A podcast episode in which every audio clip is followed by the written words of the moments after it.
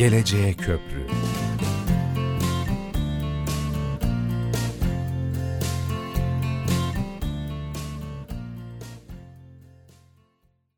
Sevgili dinleyenler, 106.2 Trakya Üniversitesi Radyosu Radyo Güne Bakan'da Geleceğe Köprü programındasınız.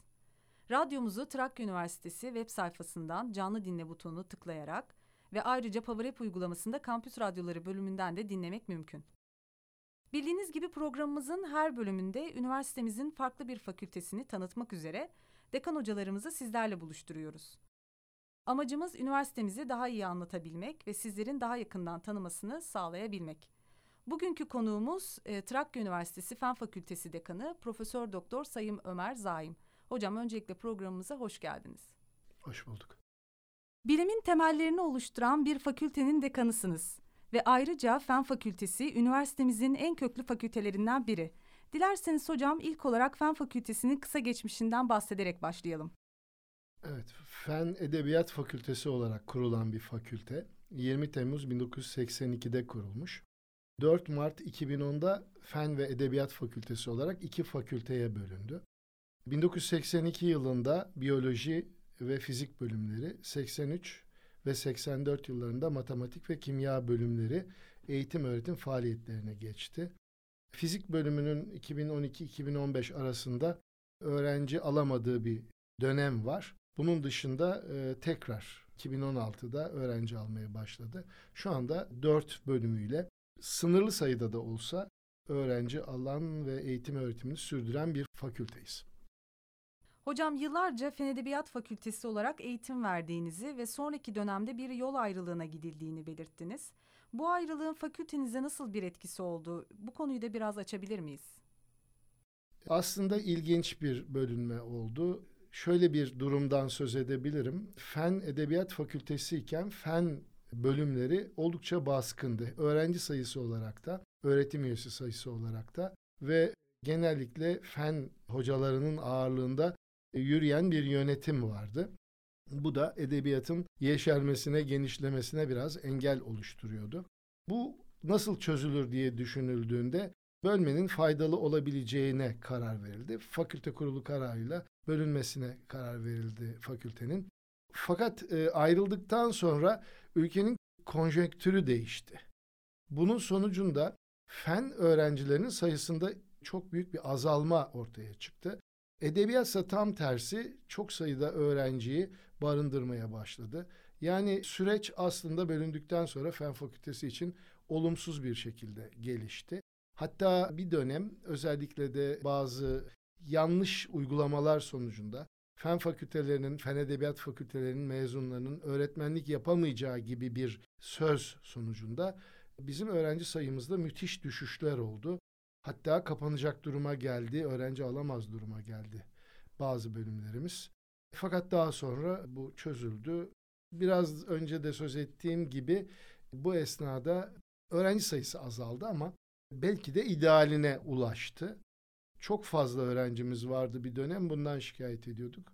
Ardından hiç öğrencimiz kalmadı, zor duruma düştük ama şu anda ideal sayılara ulaştık. Laboratuvarlarımız çok rahat öğrencilerimizi eğitebiliyor. O konumdayız. Hocam dilerseniz okulunuzu daha yakından tanıtmak için bünyenizde bulunan bölümlerden ve öğrenci sayılarından bahsedelim. Bizim dört bölümümüz var. Kurulma sırasına göre biyoloji, fizik, matematik ve kimya. Dört bölümden oluşuyoruz. Bu bölümlerin program olarak baktığınızda e, lisans ve yüksek lisans programları hepsinin var. Yüksek lisans ve doktora öğrencileri eğitimi de yapılıyor. Dolayısıyla çok yoğun eğitim yapılan ve bilime hizmet etmeye çalışan bir fakülte olduğumuzu rahatça söyleyebiliriz. Okulumuzda toplam 899 öğrencimiz var şu anda. Bunun 223'ü biyoloji bölümünde, 29 tanesi yabancı uyruklu öğrenci. Fizik bölümünde 94 öğrencimiz var. 11'i yabancı uyruklu. Matematikte 360 öğrencimiz var. 22'si yabancı uyruklu. Kimya bölümünde 201 öğrencimiz var. 28'i yabancı uyruklu. 13 Türkçe hazırlık, 8 de İngilizce hazırlık okuyan öğrencimiz var. Toplamda 899 öğrencimiz var. Bunun yanında Bizim bir varlık e, nedenimiz de yüksek lisans ve doktora programları. Yüksek lisanstan 4 bölümümüz 619 öğrenci, doktoradan da 186 öğrenci mezun etmiş. Bunlar bizim için önemli bir gurur kaynağı. Bunu da vurgulamak isterim. Hocam Fen Fakültesinin fiziki koşullarını da bilmek isteriz. Derslik dışında öğrencilerin yararlanabileceği laboratuvarlar, atölyeler hakkında da biraz detay bilgi verebilir misiniz?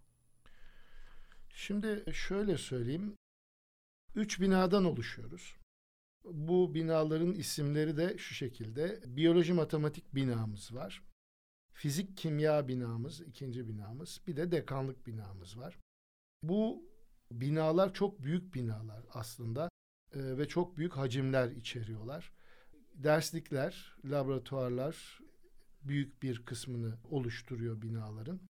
Toplam 36 dersliğimiz var. 6 bilgisayar laboratuvarımız var. 41 tane de öğrenci ve araştırma laboratuvarı. Toplam e, laboratuvar sayımız böyle. Akademik ve idari kadrodan da söz etmek isterim. Fakültemizde 46 profesör, 17 doçent, 15 doktor öğretim üyesi bulunmakta. 2 öğretim görevlisi, 27 araştırma görevlisi. Toplamda 107 öğretim elemanımız var. Bu rakamlar çok iyi rakamlar. İdari personelimiz e, çok değil. Dört hizmetlimiz var. Bu üç binaya yetişemiyorlar. Üç laborant, yedi memur toplamda 14'te idari personel olduğunu söyleyeyim. E, bu sayı çok küçük bir sayı. Bir zaman çok uygun bir sayıydı. iyiydi ama zaman içinde bu sayı çok azaldı. Bugünkü duruma geldik. E, fakültemiz Balkan yerleşkesinde bulunuyor hocam. Evet. E, öğrencilerimize daha hani bu konuyu açmak adına sosyal olanaklardan da bahsedelim dilerseniz. E, Şimdi evet olur. Bir atölyemiz var. Fizik bölümünde elektromekanik atölyesi e, bir atölyemiz var. Toplam 41 laboratuvarımız var söylemiştim. Bunun 20'si araştırma laboratuvarı, 21'i de öğrenci laboratuvarı. Biyoloji bölümümüzde üç tane müzemiz var. Bu müzeler ziyaret edilebiliyor. Gerçi halka açık olduğunu söyleyemem ama öğrencilere açık. Yani orta öğretimdeki öğrenciler buraları gezebiliyorlar. Bu müzeler omurgalılar, omurgasılar ve bitki müzeleri. Oldukça zengin koleksiyonlara sahip bu müzeler. E, hatta şunu söyleyeyim, e, Edirne'de son dönemde iki tane doğa müzesi kurulması çabası var. Bu çabalardan bir tanesi bizim biyoloji bölümümüz tarafından gerçekleştirilecek. Külliyede Doğa Müzesi kurulacak ve biyoloji bölümümüz kuracak elindeki malzemelerle. Öğrenciler için söyleyebileceğim e, ne tür imkanlar var? Kimya ve biyoloji bölümünde biz stajı zorunlu tutuyoruz. Fizikte isteğe bağlı. Bu konuda bize kariyer merkezimiz yardımcı oluyor ağırlıklı olarak da öğrenciler kendileri staj yerleri bulabiliyorlar. Fen Fakültesinin önemli imkanlarından bir tanesi Fen Fakültesinin dört bölümü içinde geçerli olan bir durum bu. Fakülteye ilk üç sırada giren öğrenciler YÖK tarafından tahsis edilmiş burslardan faydalanıyorlar. E, ve fakültemizde şu anda 24 öğrenci bu burslardan faydalanıyor. Fakat bunun bir ön koşulu da var ilk 15'te tercih yapmaları gerekiyor ve ilk 3'e girmiş olmaları gerekiyor. Bu fen fakültelerinin e, öğrenci sayısının düşmesi sonucunda bilim adamı yetişmesine katkıda bulunmak için geliştirilmiş bir yöntemin sonucu. Erasmus, Mevlana ve Farabi programları ile yurt dışına, yurt içine değişik üniversitelere gidip değişik ortamlarda eğitimin nasıl yapıldığını görme imkanına sahip öğrencilerimiz. Ayrıca Sağlık Spor Kültür Daire Başkanlığımız ihtiyacı olan öğrencilere çalışma imkanı sağlıyor. Onlar hizmet veriyorlar. Bizim fakültemizin civarı oldukça yeşil, bol miktarda yeşil alanımız var. Özellikle bahar aylarında yaza kavuşurken mevsim çok güzel oluyor. Bir kantinimiz var. Bütün binalara çok yakın. Yemek de çıkarıyor. Tabii bugünün koşullarında bu hizmet veremiyor ama normal koşullarda yüz eğitim döneminde hizmet veriyordu. Bazı bölümlerimizde, her bölümümüzde değil, öğrencilerin çalışması için geliştirilmiş kütüphanelerimiz var. Kitapta alıp okuma imkanları var. Son olarak da iki tane açık spor alanımız var. Birisi futbol, birisi basketbol için herhangi bir bedel ödemeksizin öğrencilerimiz Hatta e, yani kampüsteki bütün öğrenciler buralardan faydalanabiliyorlar. Ne güzel hocam. Ee, buradan dinleyicilerimize hatta belki de öğrenciniz olacak adaylara bu olanakları da aktarmış olduk. Peki şimdi başka bir konu başlığına geçelim dilerseniz. Fen Fakültesi olarak tüm bölümleriyle bir akreditasyon sürecinden geçtiğinizi biliyoruz. Bu süreç hakkında ve bundan sonraki projeleriniz hakkında neler söylemek istersiniz hocam? Akreditasyon sözüyle başlayayım. Trakya Üniversitesi'nin ilk eğitim öğretim programı akredite olan bölümü biyoloji bölümüdür. Bir öncülük yapmıştır. Ardından kimya, fizik ve matematik bölümleri de akredite olmuşlardır. Tüm bölümleri akredite olan bir fakülteyiz. Yani herkese hesap verebilecek durumdayız. İsteyen bizim hakkımızda her şeyi öğrenebilir kolayca. Proje kısmına gelince genel anlamda çok sayıda TÜBAP projemiz var ve bunlar çok farklı konuları kapsıyorlar. TÜBİTAK projelerimiz var ve bir de Avrupa Birliği projesine çok kısa bir süre önce ulaştık. Şimdi genel olarak biyoloji, fizik, kimya, matematik kendi konularıyla ilgili çalışmalar yapıyorlar ve projeler üretiyorlar. Bazılarını isimlendirebilirim. Mesela biyolojik mücadele için kullanılan böceklerin bulunması, türlerinin ortaya çıkarılması ile ilgili projeler var. Karınca davranışlarını inceleyen projeler var. Özellikle çevre kirliliği ağırlıklı projelerimiz var. Radyasyon kirliliği ile ilgili, ağır metal organik kirleticilerle ilgili projelerimiz var. İlaç sentezine yönelik projelerimiz var. Bu tür projeler belli bir kapsamda, belli bir büyüklükte e, uzunca bir zamandır devam ediyor. Yüksek lisans ve doktora projelerini de bunlara dahil edebiliriz. Tezlerin de projesi var. Dolayısıyla onları da dahil edebiliriz.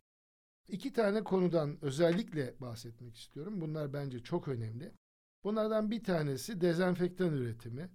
Bu kimya bölümünün özellikle bu Covid salgını çıktığı dönemde çok kısa sürede geliştirdiği aslında proje olmayan, gönüllü yapılan ama e, bugüne kadar 2050 ton çok büyük bir rakam bu. Üretimin yapıldığı bir konu. Bütün ihtiyaçlarımızı, ham maddemizi Edirne Valiliği karşılıyor. Kendi imkanlarımızı, laboratuvar imkanlarımızı ve bilgi altyapımızı burada kullanarak böyle bir işe giriştik.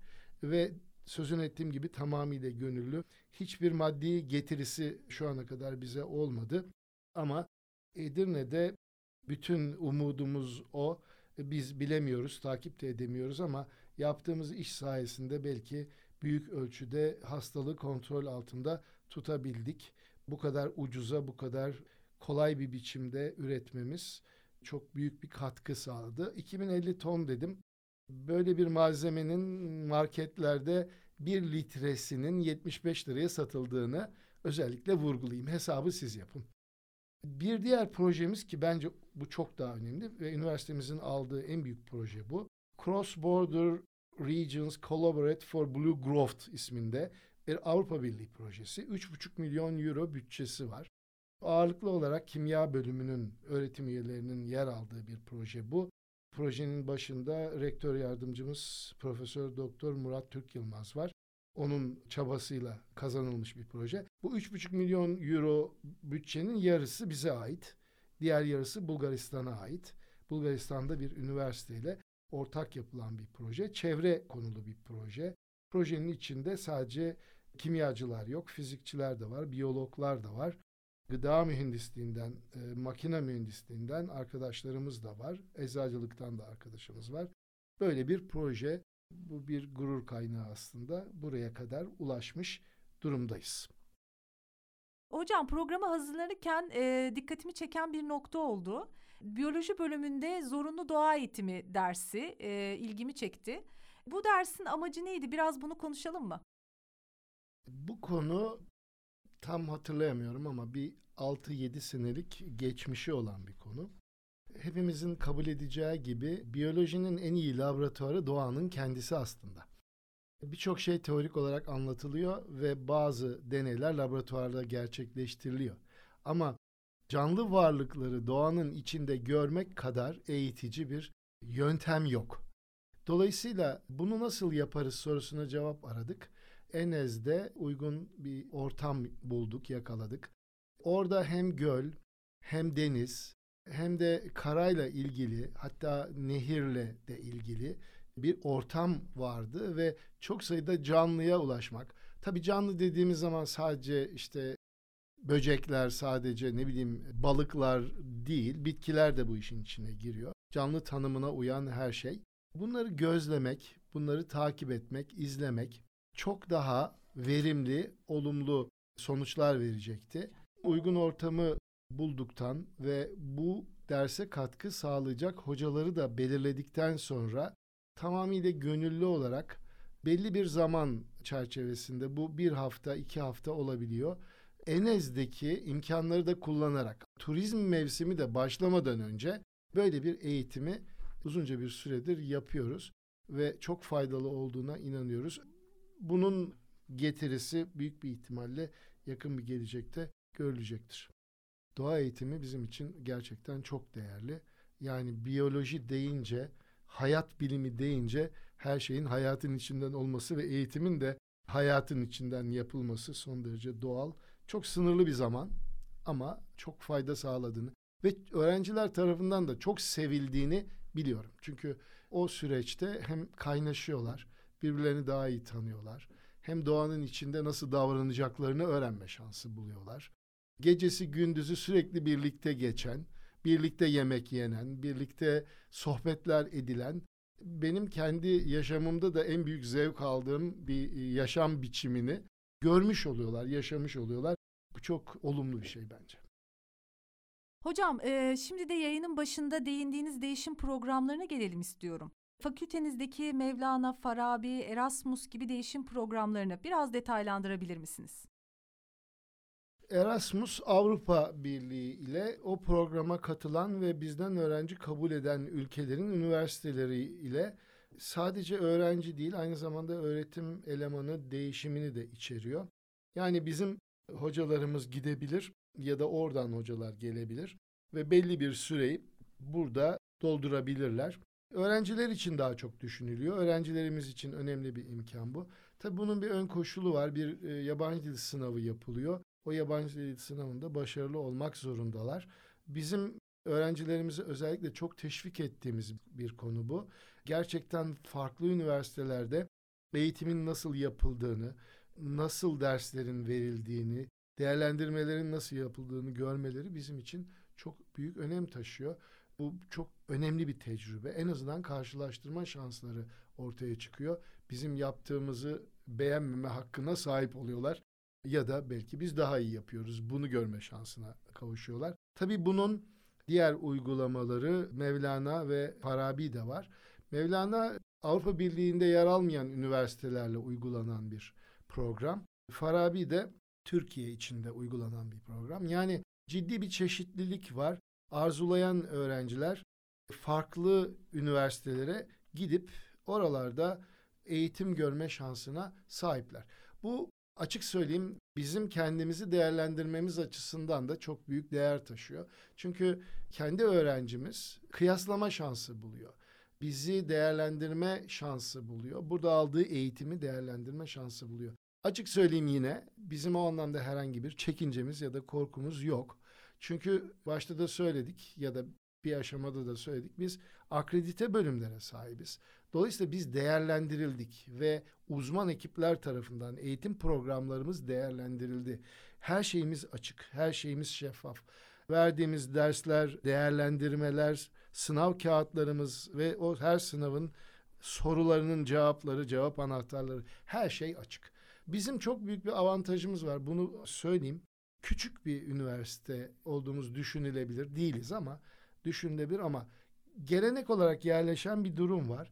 Bizim öğrencilerimiz hocalarımıza istediği zaman ulaşabilir. İstediği zaman diyaloğa girebilir. İstediği zaman istediğini sorgulayabilir. Böyle bir avantaj var. Bu bir gelenek artık. E, hocalarımızın çok büyük bir çoğunluğu buna açık ve öğrencilerimizin sıkıntılarını gidermek konusunda da son derece iyi olduğumuzu iddia edebilirim. Hocam bu dönem tercih yapacak ve fen fakültesinde okumayı düşünen öğrenci arkadaşlarım belki de en merak ettiği soruların başında gelen bir soru. E, mezun olduktan sonra hangi kurum ve kuruluşlarda çalışabilecekleri? Okulunuzdan mezun olan öğrenciler nerelerde istihdam ediliyor? Şimdi şöyle söyleyeyim. Dört farklı bölümün dört farklı hitap ettiği alanlar var. Matematik teorik bir konu ve matematik mezunlarının en yaygın olarak istihdam edildiği yerler genellikle öğretmenlik ve hesaplamaların önem taşıdığı yerler. Algoritma yazabiliyorlar. Dolayısıyla bankalarda da iş bulabiliyorlar ve teorik olarak matematiğin değer taşıdığı her yerde istihdam edilebilme şansına sahipler. Fizik daha teorik dışı, deneye dayalı ama yine de teorik ağırlığı çok büyük olan bir bölüm. Yine öğretmenlik onların da istihdam edilebildikleri bir alan. Bunun dışında istihdam edildikleri çeşitli alanlar var. Bunlardan bir tanesi iş güvenliği alanı, bir diğeri nükleer enerjiyle ilgili alanlar. Onlar daha çok bu tür alanlarda istihdam ediliyorlar. Kimya oldukça şanslı bir alan bence. Çünkü çok daha fazla uygulaması olan bir dal. Teorik olarak daha az ama e, uygulama olarak daha geniş bir eğitim programına sahip.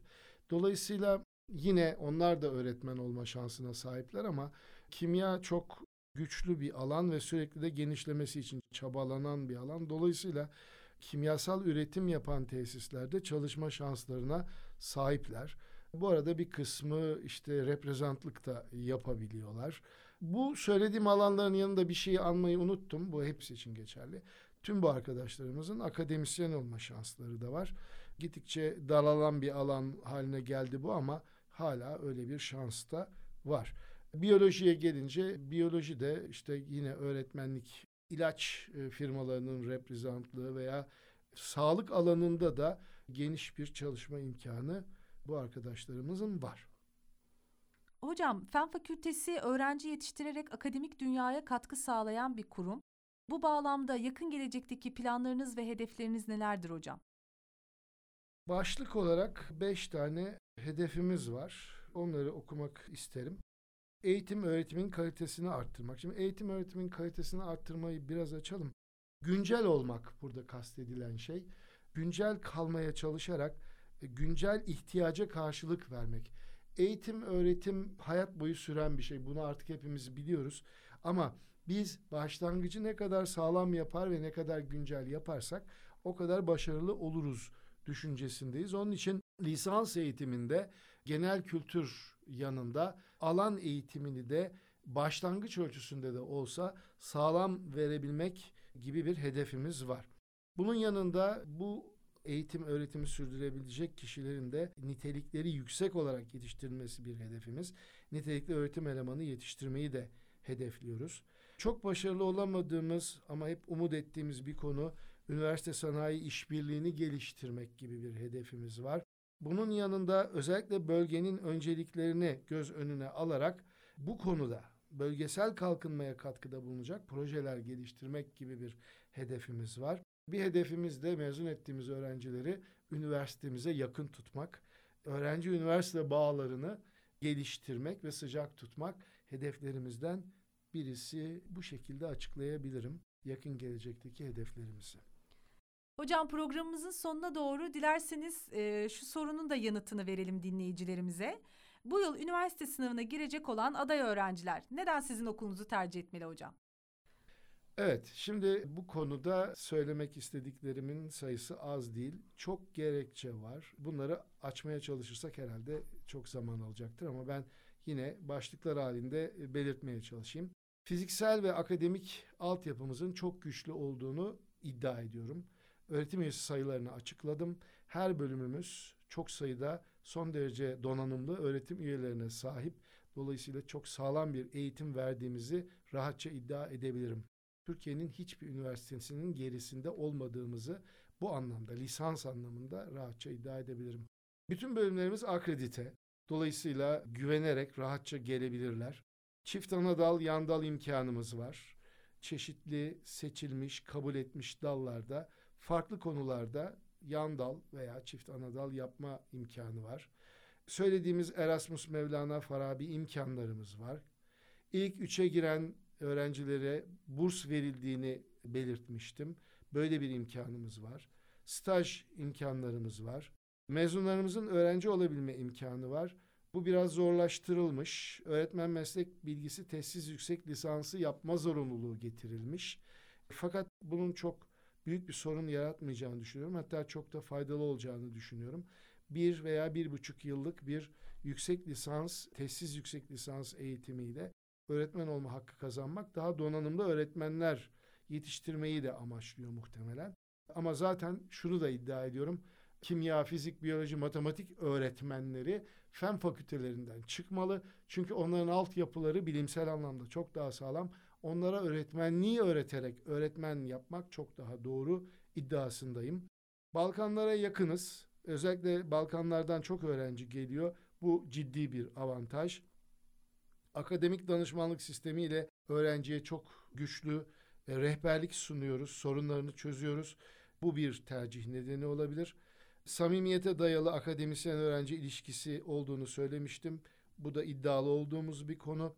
Ayrıca kampüs içinde Kredi Yurtlar Kurumu'nun yurtlarında konaklama imkanımız var. Fazla zorlanmadan yürüme mesafesinde yurtlarımız var ve sayısı çok büyük bir ölçüde arttırılıyor çok yakında. Yeni yurtlar da açılacak. Alışveriş merkezlerine çok yakın. Edirne çok büyük bir il değil. Her yere gitme imkanınız var ve her aradığınızı bulma imkanınız var. Yurtları sevmiyorsanız Edirne'de ikamet etme şansına da sahipsiniz ve bu da ulaşım kolaylığı ile birlikte geliyor. Epeyce bir gerekçe saydım sanıyorum. Hocam programımızın sonuna geldik. Ee, son olarak dinleyicilerimize neler söylemek istersiniz? Ee, evet, aslında fen edebiyat fakülteleri veya özel olarak şu anda adını taşıdığımız fen fakültesi temel bilimler fakültesidir. Doğa bilimleri fakültesidir. Bilim fakültesidir. Bilim yapılan temel bilimin ve bütün diğer bilimlere yol açan bilimlerin e, fakültesidir. En temel bilim felsefedir ama ondan sonra matematik, fizik, kimya ve biyoloji gelir. Bu dalların ürettikleri ile uygulamalı bilimler gelişir.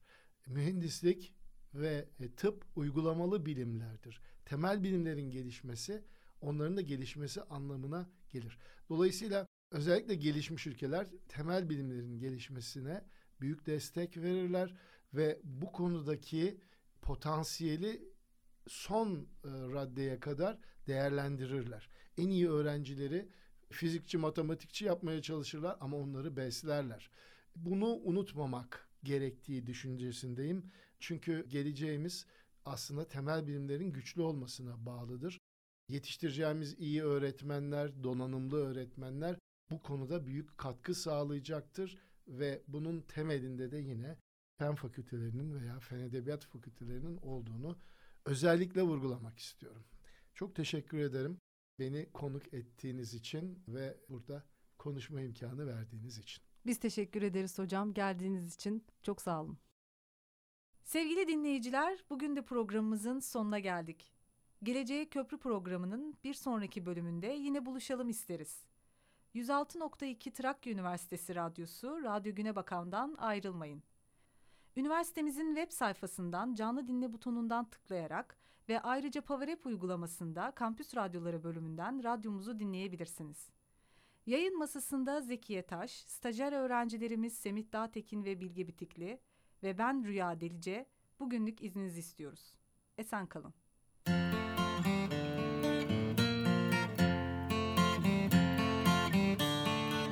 Geleceğe Köprü